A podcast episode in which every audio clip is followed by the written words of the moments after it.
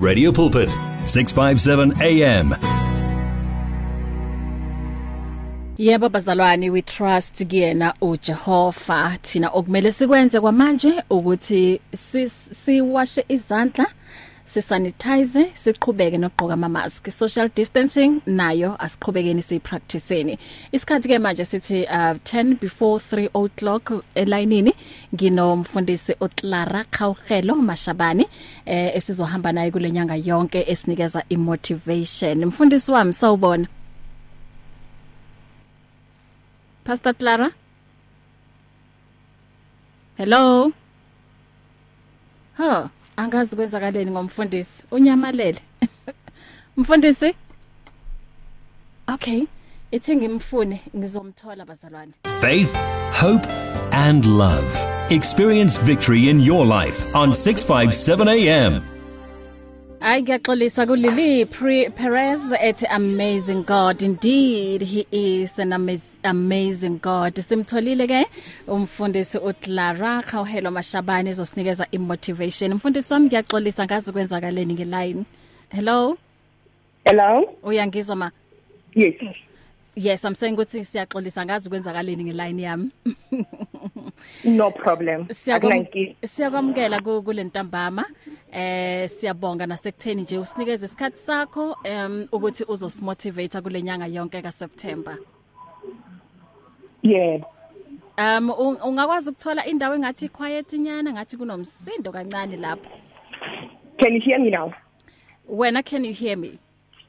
Um yakho iphansi kakhulu. Iphansi kakhulu. Okay mina ngikuzwa kahle. Okay. Mhm. Ungakwazi ukusitholela indawo engathi i quiet? Yes, where I am now it's very quiet. Can you hear me? Okay, kune sound nyane ngathi bengizwa kancane. Okay, singaqhubeka ke siyakwamukela and siyabonga ukuthi eh uzosinikeza imotivation kule nyanga yonke ka September. Um mhlawumbe ungaqala nje ngokuthi in in in a second nje ukuthi usibekele isithombe sika Clara ubani uClara Mashabani Ngiyabonga kakhulu for having me sesibashe uClara Mashabani is a lady from Mamelodi Pretoria. I am a pastor uh, I'm still serving under my bishop Bishop CT Mahlangu from Following Fountain. I'm a founder of a foundation that is called Women Be Healed and I'm an author of a book that is called Women uh, that is called Forgiveness is about. Okay si usiphatheleni namuhla Namuhla let's to our motivation of the day. I'm still struggling, but I hope you can hear me from your side, but I was struggling from my side.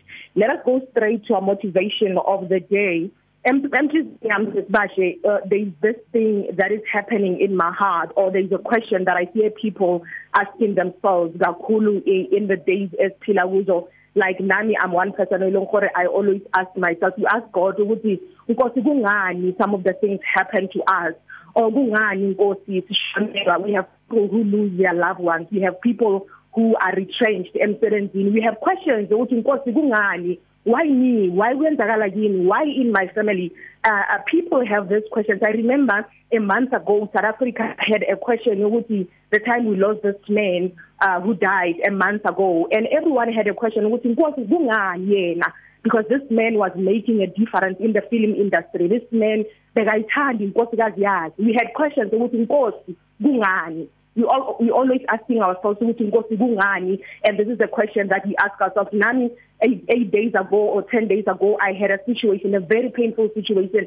Ngamuza uNkulunkulu kathi inkosi kungani? Why me? Why kwenzakala kimi? And and we always give God reasons ukuthi inkosi mara ngiyanikela inkosi ngiyakholwa inkosi kungani? But there are three things that I want to share with people as I motivate them today ukuthi reason number 1 why sometimes you go through painful things. I'm not I'm not saying painful situations are okay but ngifuna ukuthi kuwe namhlanje whatever that you are going through. The first reason I want you to know ukuthi God trusts you. uNkulunkulu uyakuthemba.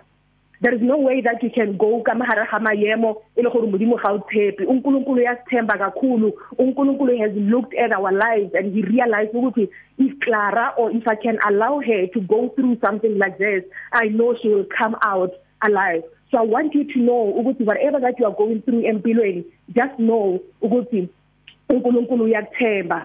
Second uh, the second point that I wrote here I said because of his glory sometimes re tsamaya ka mara diemo tse di bohloko ngenqa kankazimulo kaJehova there is no way that inkazimulo yakhe can be seen in our lives or abantu angeke babone inkazimulo kaThixo if we don't go through some situations in life.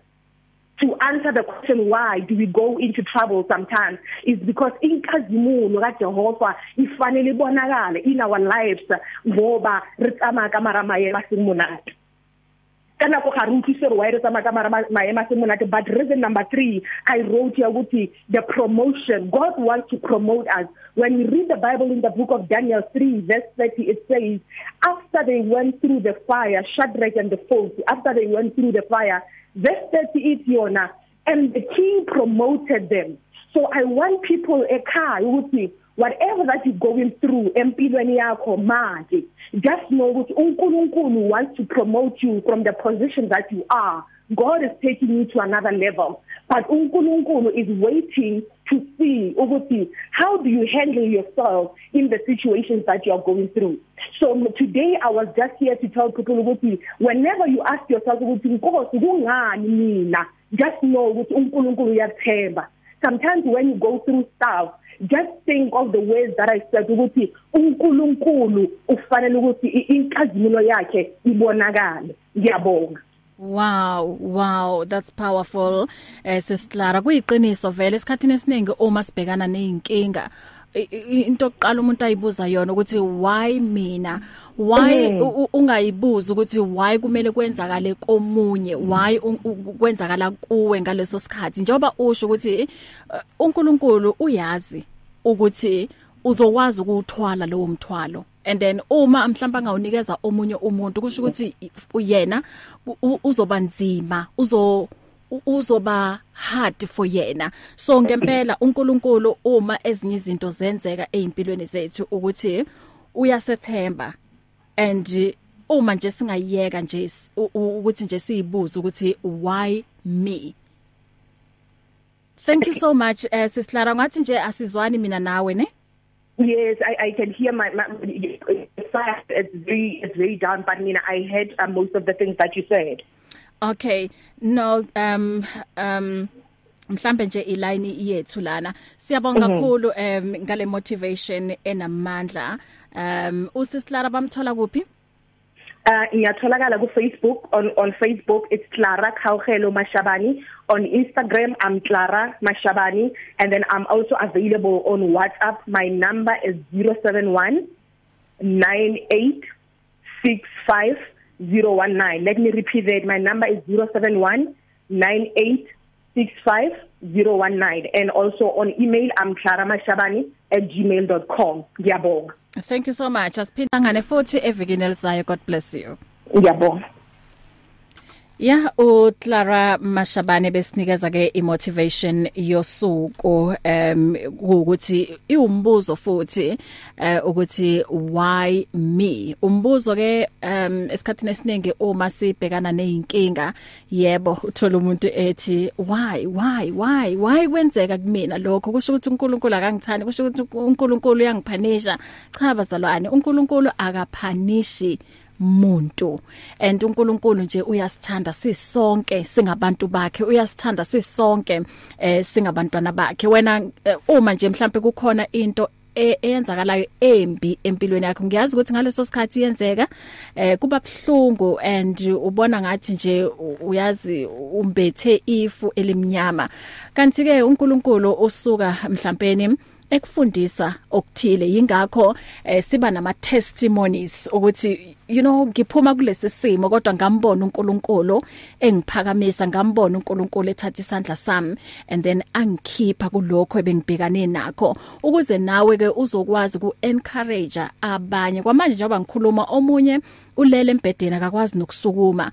Em omunye nje uthi hayi mina kuphelile ngami ngenxa ukuthi mhlawumbe ulahlekelwe umsebenzi em ngenxa ukuthi mhlambe imoto bayi repossessa indlu yabona nje ziningi inkinga ukuthi sibhekana nazo. So bazalwane kunokuthi nje sibuke oku negative asibhekise nje amehlo ethu kuJehova. And then uma siwavula simbona uNkulunkulu phakathi kwaleso simo yilapho ke manje ubona ukuthi hayi cha lokhu bekwenzeka yingoba uNkulunkulu bekangifundisa lokho ithi ke siye ku 3 songs in a row ngaphambi kokuthi ngikuthulele yona ngizondlula ngala.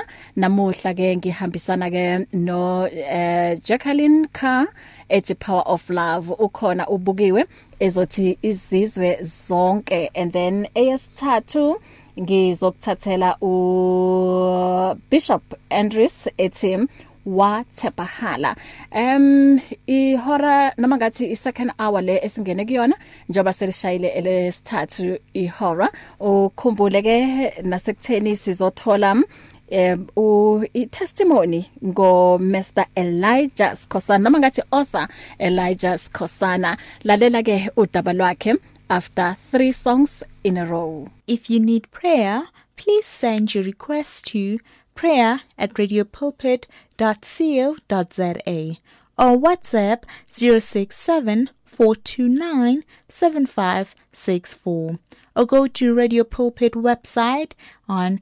www.radiopulpit.co.za radio.co.za. You can now buy your favorite programs and series of the past 38 years on eCompanion, Radio Pulpit's own online shop. Revisit programs by beloved presenters like Justice Chungu, Cecile Burger, Esti Geldenhuys, and Pastor Aaron Jelle. Books and CDs from various authors and artists, as well as Radio Pulpit t-shirts, caps, and other branded products will also be available on eCompanion, your one-stop soul food shop. Visit radiopulpit.co.za and click on shop. T's and C's apply. You and 657 AM and life, a winning team on the road to eternity.